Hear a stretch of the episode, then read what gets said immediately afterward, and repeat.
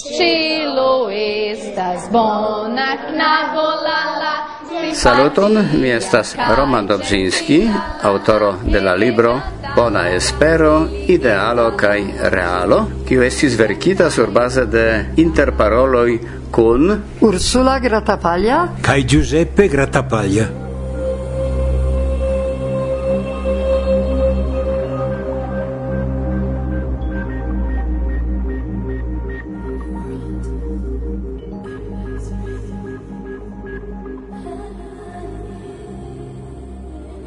La Zamenhof asteroido circulas en la cielo inter Marso ca Jupitero. Ciu gi trovis tie la paradison? Ni raitas dubi, char la paradizo, la alta paradizo, trovigas ja sur la tero. Al la serciantoi mi povas komuniki la adreson. Gi situas en Brazilo, sur la alt ebenajo de la provinco Goias, rande de grandiosa nazia parco, ricia de emociigai aquafaloi, cae de misterai arbaroi apud bruai riveretoi. Nur la pom arbo de Biblia paradiso ne estas trovebla. Anstatau, surprize, oni trovas tie monumenton de Zamenhof. Li patronas la bonan esperon. Kio do povus esti pli atendenda flanke de doctor Esperanto? Ja tie oni parolas lian lingvon ciutage cae autenticae circonstancoj de la homa vivo. Esperantistoi el diversai landoi volontule laboras por brazilaj infanoj, kiujn blinda sorto locis en socie riska situacio kai helpas ilin trovi dignan lokon en la vivo. La vojo al tiu celo estas malfacila. Kiel malfacila oni povas konvinkiĝi legande tiun ĉi fascinan libron. Visitante Brazilon en la simbola jaro 2000 mi trovis bonan esperon kiel realan pecon de la rondo familia pri kiu revis Ludovico Zamenhof. Mi metis floroin anta lia monumento, kie lia nepo, se circauita de gaia infanoi, mi samtempe giuis esti ilia avo, cae sentis besonon danki pro tio al Ursula cae Giuseppe Gattapaglia. Ili ambau oferis grandanime al bona espero pli ol tridec jaroin de ilia vivo. Mi fieras esti ilia amico, che tiu ci verco de Roman Dobrzynski, anto amico mia, estigiu dum viva monumento ilin honoriganta. Ludovico Zaleski Zabrano.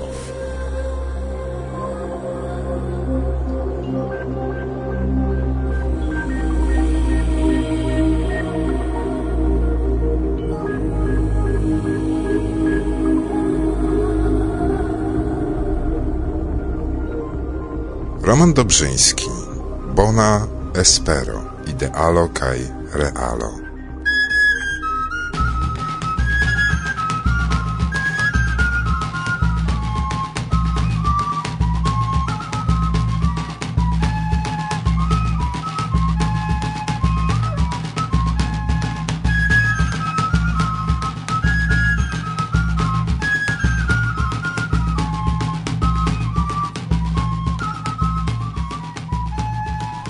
En 1980 far la pola televido sendis min al Brazilo por fari documentain filmoin pri tiu landego. Mi visitis interalie la cefurbon Brasilio, de kiu estis relative proxime al la esperantista institucio Bona Espero. Gi montrigis tiel interesa, che el la tri taga visito resultis tute neplanita filmo Angulo de Bona Espero. Gi estis kelkfoje presentita en la plej grava pola televid-kanalo kaj efike propagandis pri Esperanto, kvankam ĝia temo ne estis la lingvo internacia. Poste mi klopodis apliki en mia ĵurnalisma laboro tiun metodon prezenti Esperanton, sed neniam mi trovis motivon pli bonan ol bona espero. Nenio mirinda, ke plurfoje mi revizitis la brazilan edukejon, restante ciam nur quelcain tagoin. Tamen, decembre 2006, mi venis en alia rolo. Tiu de volontulo por resti kvin monatoin, cae post unu jaro mi revenis por pluai tri monatoin.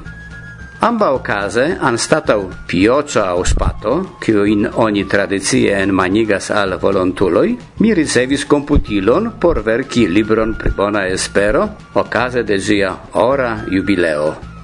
Nu, jubileoin oni kutime asocias kun lauroi, laudoi kai bondeziroj, dum mi havas neniun sperton pri verkado de panegiroi, nek provis mia incapabloin kiel verkisto volontulo.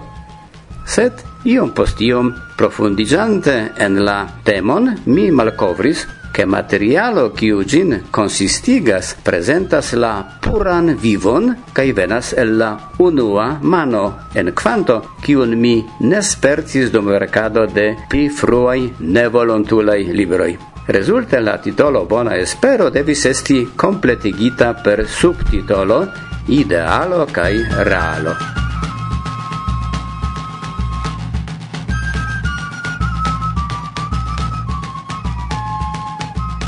Ci estas mia dua libro en Esperanto. La unua, la Zamenhof strato, verkita kiel intervjuo kun doktoro Ludoviko Zaleski Zamenhof, surprizis min per sia bona accepto kaj sekva tradukado en plurajn lingvojn. Ĝi konvinkis min, ke la intervjua formo ofertas al verkisto multajn avantaĝojn. Ĝi permesas per demandoj libere stiri rakontadon, lauvole shangi temoin, quasau per shac cevalo salti de facto al facto, cae saturi la enhavon per anecdotoi. La sama tecnico estis applicita en la vercado de tiu ci libro. Gi basigas sur conversasioi cun Ursula cae Giuseppe Gratapalia kiui sen pause volontulas en bona espero dum du triona tempo de gia quindec jara existo. Neniu alia pli multe scias pri tiu tutmonde unika esperantista institucio. Tamen, desirante min mem senti fidinda autoro, mi klopodis ne preterpasi okazojn por consulti personoin kiu scias kion ein privone espero. Krome, mi legis tokon da articoloi kaj atente studis documentoi en la arkivo de bona espero. La libro esta zorge documentita, tamen oni povas dubi pri tio, ĉar ĝi lasas paroli unu flankon nome gesinjorojn Gratapalia. Dum la aŭtoro, stariganta demandojn, ŝajnas aŭtomato, kiu surbendigas iliajn eldirojn. Fakte la libro ne prezentas laŭvortan interparolon, sed estas verkita surbaze de ili. El tiu ci constato resultas grava consequenzo. Estas la autoro kiu respondecas pri la texto, ĉar li decidis prezenti aŭ ne prezenti definitivajn faktojn kaj opiniojn.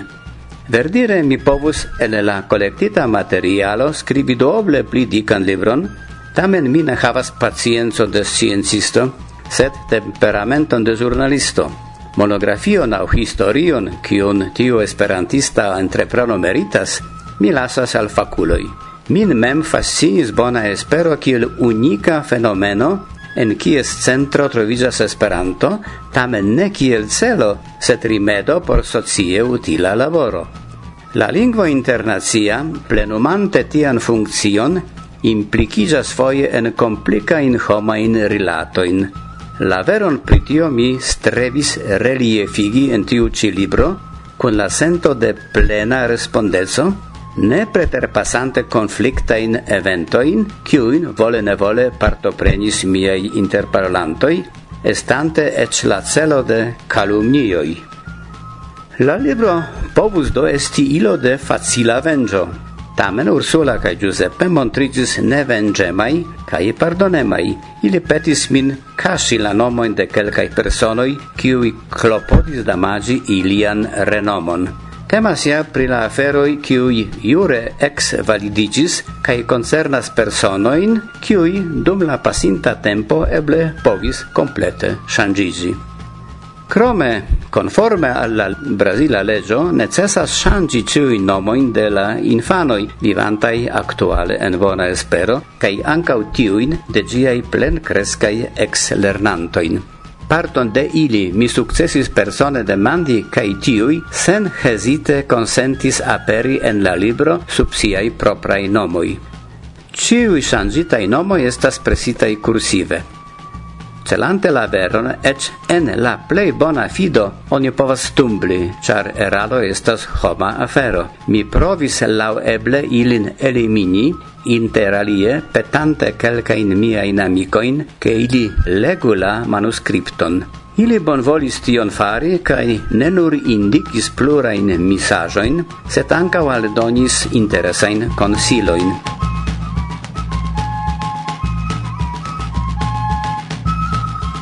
Mi ŝuldas dankon al doktoro Ludoviko Zaleski Zamenhof Francio, kiu krome honoris la libron per sia mesaĝo.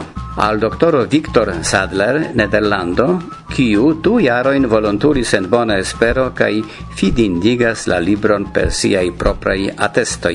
Al ingeniero Enivaldo Alves Silva, Brasilo, longiara generala direttore de Bona Espero, cae al la merit plena Brasila volontulo Sirio Silva.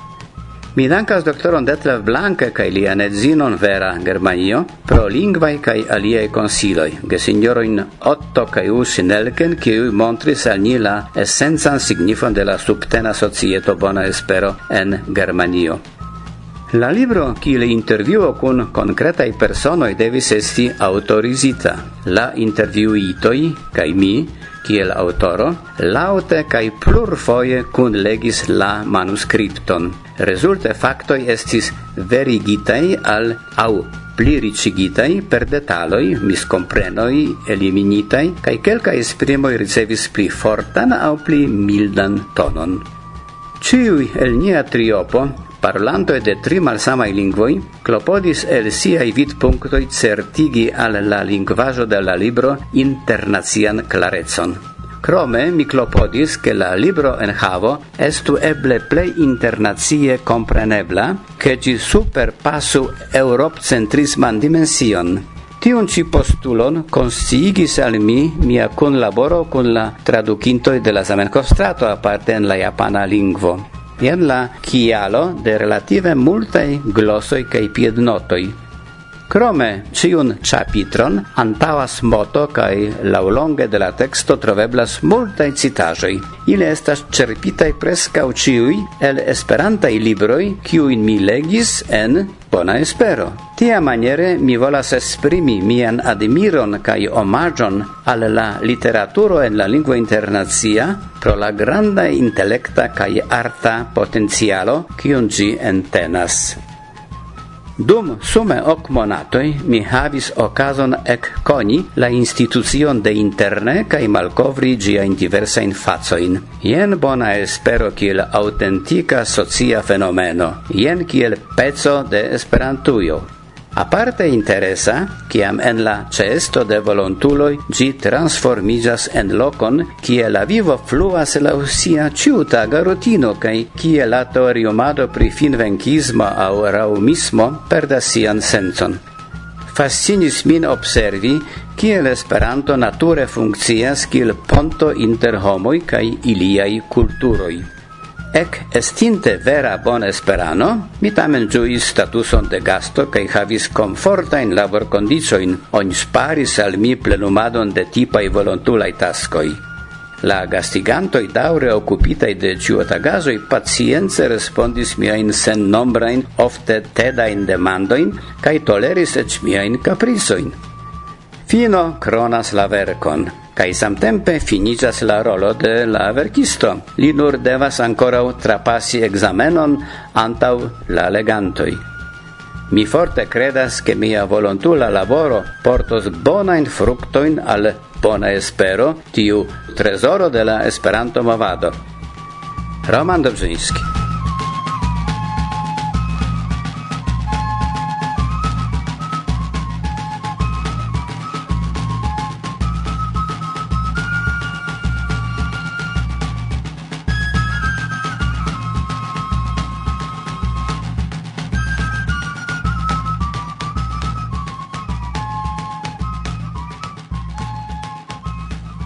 iru courage antauen, char nia afero estas honesta kai utila.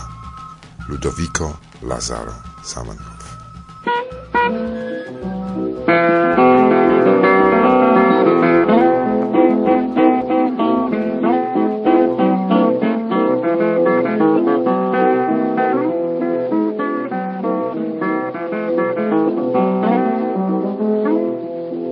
Egoisma altruismo. Bona espero ne estas hotelo quin stela, sed tot certe quin pint stela. Jus finigis solena cae eleganta nocto mangio de Cristnasco 2006. Sur la bufedo estis electeblai dec quin bongustai cae bele ornamitai pladoi, ciui faritai sur loce. Ursula ca Giuseppe Exacte antau tridec tri jaroi vi venis al bona espero, la unuan foion. Cion vi tiam mangis? Ni comensis de mate mangio, kiu mirigis nin, cia ni ne ricevis panon, sed nur tion, cion oni metas sur panon.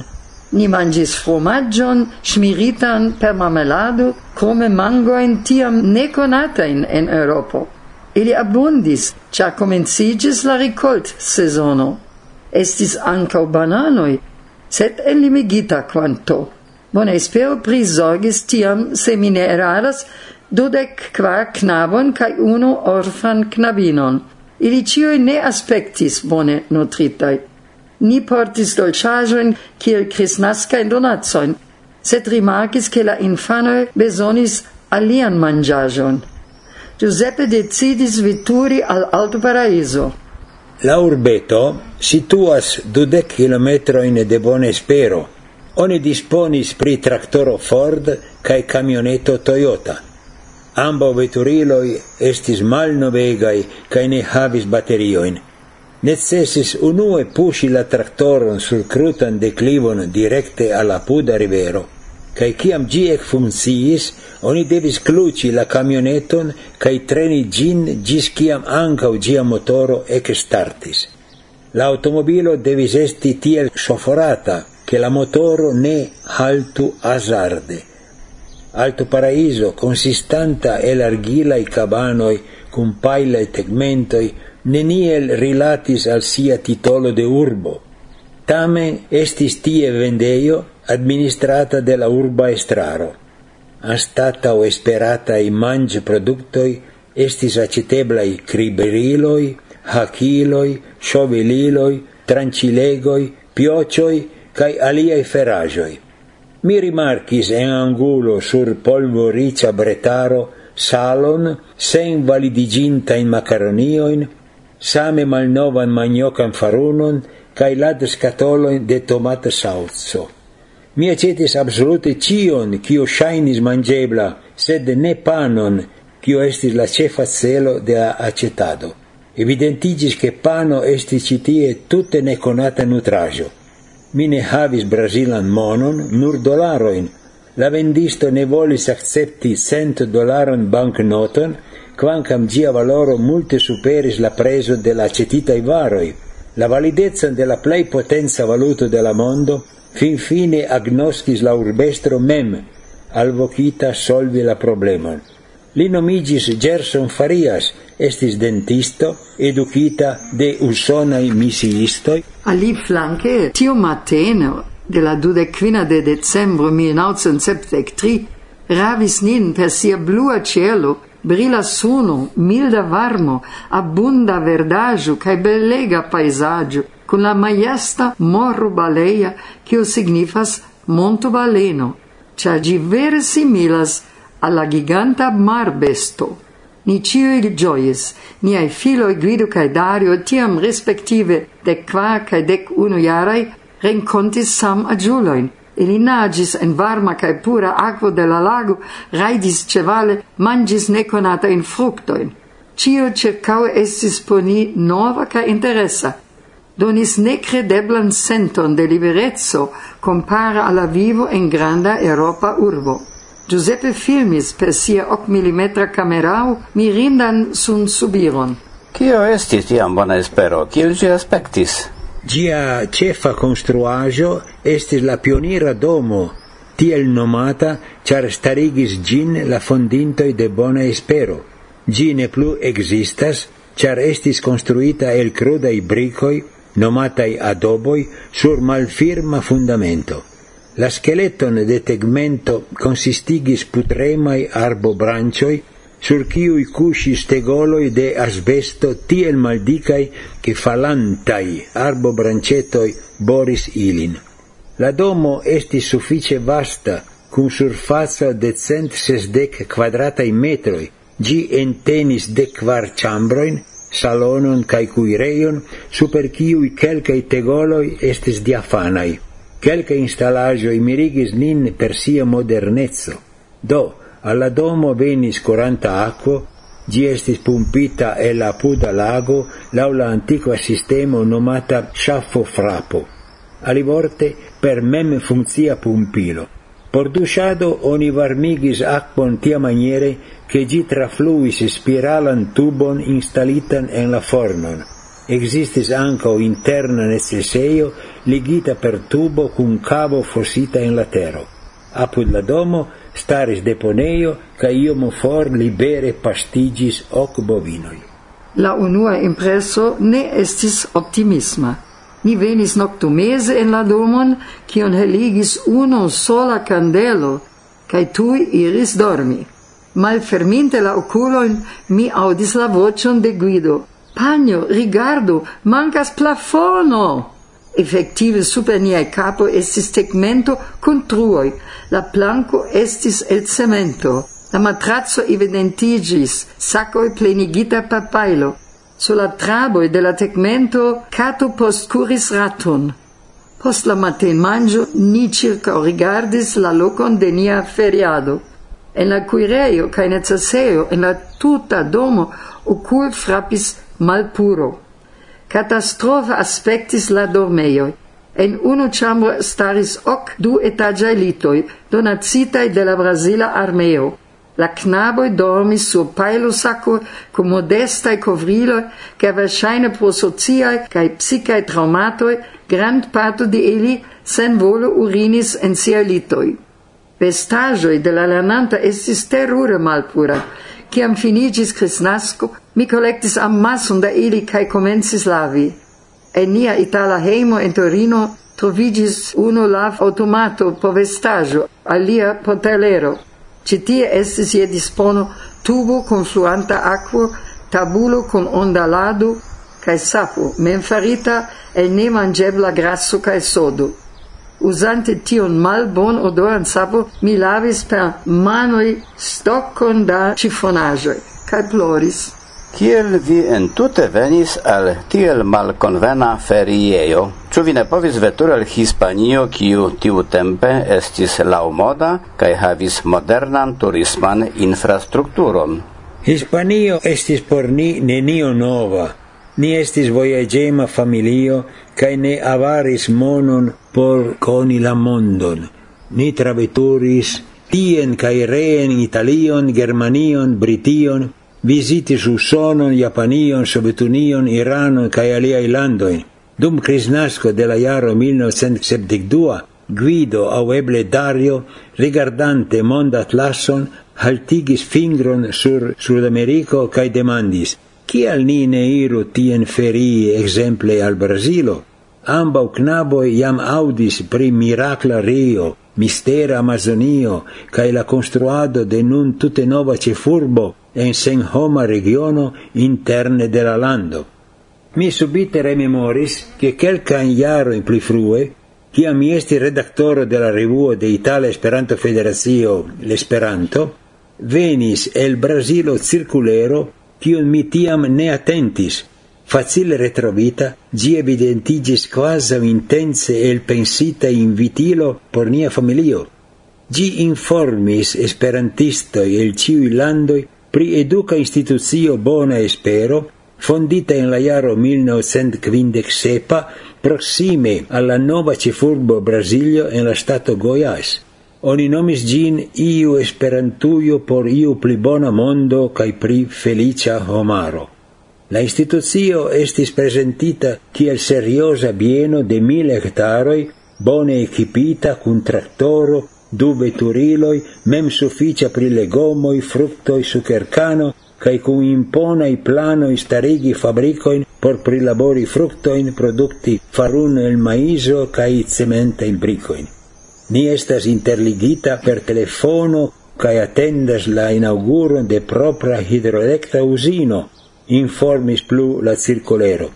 Gia celo estis instigi al venon de cunlaborantoj por doni pli bonan ca efikan educadon al quardequin geknaboj trovigiante sub la protecto ca instruado de la instituzio. La circuleron subscribis Artur Veloso, generale direktoro, ca Neusa Araujo, directorino pri publicae rilatoi. Ni tui scribis leteron petante pliain informoin, ca annunzante la intenzon voyagi al Brasilo ca visiti bonan esperon fine de la jaro 1973. Passis monatoi, sed mancis respondo. Ni provis interveni per telefono, sed ne successis. La telefonistino en Romo comunicis che in la Brasila Stato Goiás estis eble havi telefonkontakton nur con la chef urbo Goiania. Kial ne funkciis la telefona interligo? Mi trovis la explicon surloke. Pli frue bone espero ricevis donasse de la armeo du movebla in telefona apparatoin e la epoco della dua mond milito. Ili interligis per ferdrato la pioniran domon cum baraco trans la rivero. Per manturnilo oni generis energion, cae tio ebligis comunicadon inter ambau construajoi malproximai unu de la lia quarcent metroin. Dum Goiania situas quarcent quardec kilometroin for de bon Espero. Fin fine, comence di junio, venis respondo, subscribita de alia generala directoro, Renato Lemos, Li pardon pete clarigis che nia letero estis forgesita dum quin monatoi en scatolo de la postoficejo, cae pro tio li ne povis pli frue scribi. La postoficejo en Alto Paraiso trovigis en la cuireio de signorino, quiu sipavante legi prisorgis la tascon meti la letteron en sacon cae de tempo al tempo, ciam la sacco estis plena, forsendi gin alla respectivae adressoi.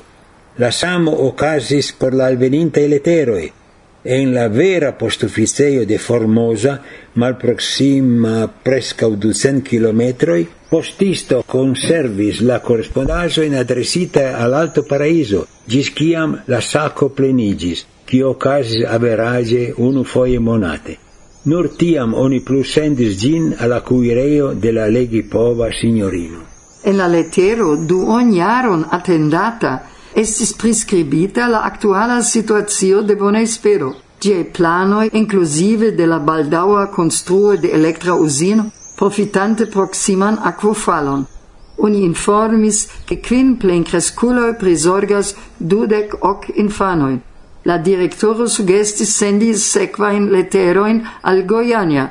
Giuseppe respondis la quaran de Julio confirmante la intenson visiti bonan esperon dum Christnasco.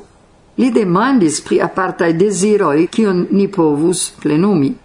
Cifoje la silente dauris tri monatoin. En la nova letero uni petis porti semoin de Europae spezioi de fructo arboi. Giuseppe respondis la 22 de novembro, donante detaloin pri la flug itenero. Nia familio estis forveturonta la 22 de decembro 1973 el Romo al Rio de Janeiro kaj la sequan tagon al Brasilia. Ci foie la directoro rapide respondis ca informis che same en Rio, kiel en la cefurbo, prisorgos nin locai esperantistoi. La flugplano realigis perfecte. Tra la fenestroi de la aviadilo, antaugia surterigio, Brasilio presentigis kiel grandega construplazzo, cum multai verdae areo ne ancora tuscitai de la homo. Daurigante la voyaggio per l'uita camioneto, ni povis pro procule confirmi che post dec tri iaroi da construado, Brasilio povis esti ancora considerata kiel cefurbo mese de nenio. Appena oni transpassis la nordan limon de la urbo, finigis la asfalto. Nia kvar persona familio alfrontis dum la antau crisnasca tago fascinan sovageion de Goiais, finon de la civilizazio sen electra energio, sen telefono. Tion ni spertis neniam antaue.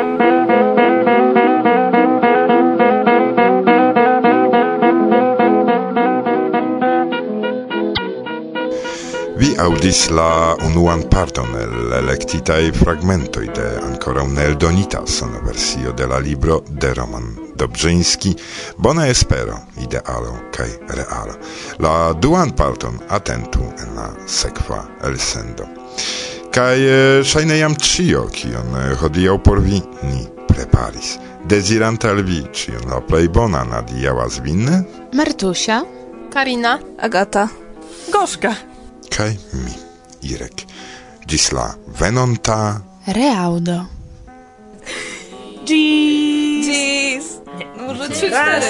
Dwa, trzy. Ĝis!